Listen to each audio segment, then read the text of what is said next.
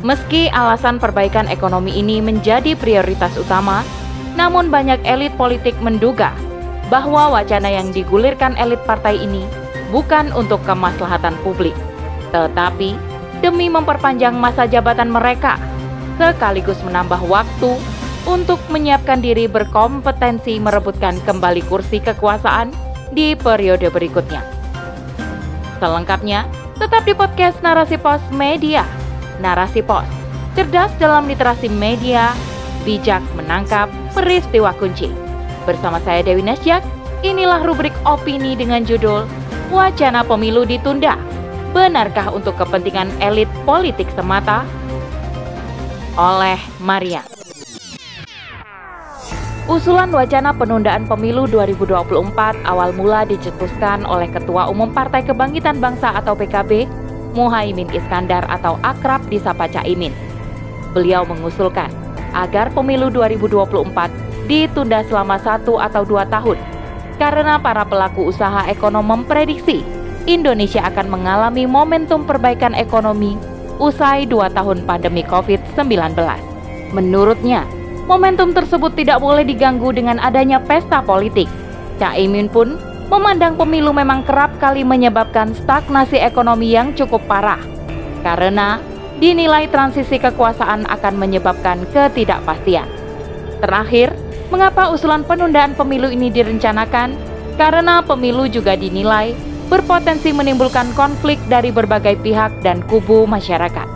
Tiga kondisi ini menjadi landasan karena menurutnya tidak baik untuk momentum perbaikan ekonomi.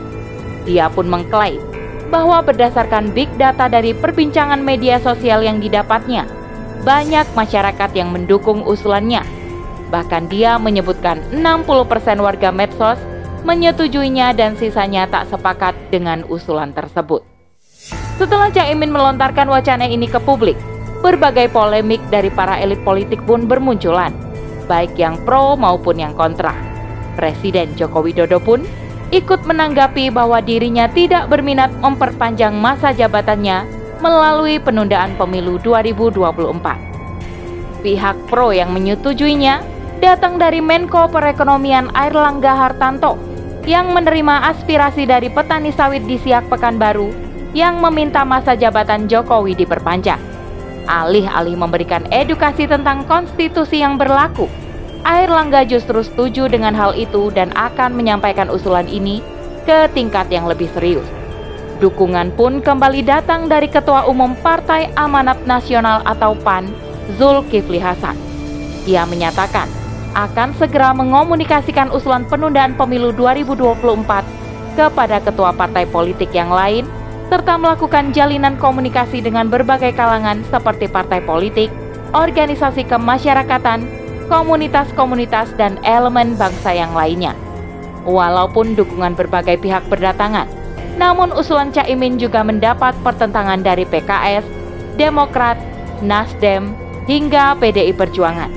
Ketua Partai Demokrat Agus Harimurti menegaskan bahwa penundaan pemilihan umum atau pemilu merupakan sesuatu yang melanggar konstitusi.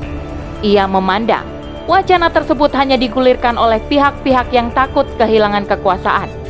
Sementara pakar hukum Universitas Andalas Ferry Amsari pun ikut berkomentar. Dia mengatakan bahwa dari pernyataan ketua-ketua partai politik baik Golkar, PAN, dan PKB dalam menyampaikan upaya perpanjangan masa jabatan ini adalah karena terlalu nyaman di dalam lingkaran kekuasaan bagi partai-partai ini. Meski alasan perbaikan ekonomi ini menjadi prioritas utama, namun banyak elit politik menduga bahwa wacana yang digulirkan elit partai ini bukan untuk kemaslahatan publik, tetapi demi memperpanjang masa jabatan mereka. Sekaligus menambah waktu untuk menyiapkan diri berkompetensi merebutkan kembali kursi kekuasaan di periode berikutnya. Pun, dari pihak oposisi yang menolak penundaan tersebut karena tidak ingin kehilangan kesempatan untuk meraih kursi di saat elektabilitas sedang tinggi. Inilah memang wajah asli demokrasi.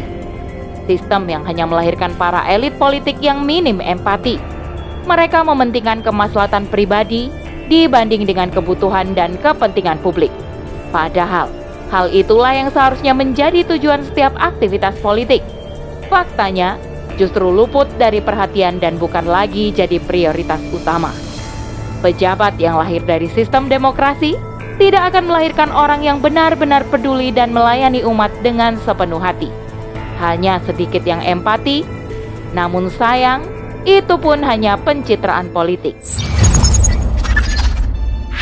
Berbeda dengan sistem Islam yang menjadikan politik sebagai jalan untuk melayani kepentingan publik. Sebab, politik dalam Islam bermakna untuk mengurusi umat semata. Pemilu dalam sistem Islam hanyalah alternatif dalam memilih kepala negara, bukan metode baku pengangkatan kepala negara. Dalam sistem Islam, metode baku dalam pengangkatan kepala negara adalah bayat syar'i. Imam An-Nawawi dalam kitabnya, Nihayah Al-Mutahsila Syar Al-Minhaj, menyebutkan bahwa akad imamah atau khilafah sah dengan adanya bayat atau lebih tepatnya bayat dari ahlul hali wal akudi yang mudah untuk dikumpulkan sebagai cara atau uslub pemilu harus sesuai syariat Islam. Masa jabatan dalam khilafah tidak ada periodisasi, diganti hanya ketika sang khalifah melanggar syariat. Rasulullah Shallallahu Alaihi Wasallam bersabda, selama ia masih memimpin kalian sesuai dengan kitabullah. Hadis riwayat Muslim. Ada cara lain untuk memilih kepala negara atau khalifah, seperti melalui ahlul hali wal akdi fikih Islam telah banyak merinci tentang pemilihan kepala negara dalam sistem khilafah ini. Syarat sebagai khalifah harus laki-laki, muslim, berakal, sehat, balik, merdeka, adil, dan memiliki kapabilitas mengemban amanah sebagai khalifah. Tugas dan wewenangnya hanyalah menerapkan hukum Allah atau syariat Islam secara kafah. Khalifah tidak punya wewenang membuat hukum atau pembuatan hukum itu mutlak milik Allah Subhanahu wa taala semata. Pelaksanaan pemilu dalam Islam tidak memerlukan biaya yang fantastis dan penyelenggaraannya pun dilakukan secara sederhana. Tidak perlu adanya kampanye dalam bentuk pemasangan baliho di mana-mana yang tentunya membutuhkan dana yang tinggi. Tidak perlu adanya obral janji sana-sini hingga turun ke jalan untuk mencitrakan diri dan membagikan uang untuk menyogok suara rakyat agar pantas terpilih. Dalam Islam, mengomersilkan kebutuhan publik kepada rakyat adalah haram. Khalifah hanya akan fokus untuk mengurus urusan rakyat. Kalaupun memang harus ada pergantian dalam pemilihan khalifah karena berbagai hal, maka proses pemilihan berlangsung singkat dengan maksimal waktu selama tiga hari. Setelah itu, khalifah terpilih langsung mengambil alih tanggung jawab dan menjalankan roda kepemerintahan dengan baik sesuai yang diperintahkan Allah Subhanahu wa taala. Dalil atas pemilihan ini dilandaskan oleh ijma sahabat ketika Rasulullah wafat. Sahabat lalu menentukan pengganti khalifah dan terpilihlah Abu Bakar Ashidik yang dalam kurun waktu tiga hari telah menjalankan kembali tugas dan wewenangnya sebagai pemimpin. Inilah pemilu dalam Islam yang dibingkai dengan sistem bernama khilafah, sehingga mampu menghasilkan pemimpin yang berkualitas, menerapkan Al-Quran dan As-Sunnah, serta menjadi rahmat bagi seluruh alam. Pesta pemilu dalam Islam tidak butuh anggaran hingga triliunan. Cukup sederhana dan dilakukan secara objektif sesuai tuntunan syariah. Wallahu a'lam bisawab. Wallahu bisawab. Demikian rubrik opini kali ini. Sampai bertemu dalam rubrik opini selanjutnya. Saya Dewi Nasyak undur diri. Assalamualaikum warahmatullahi wabarakatuh.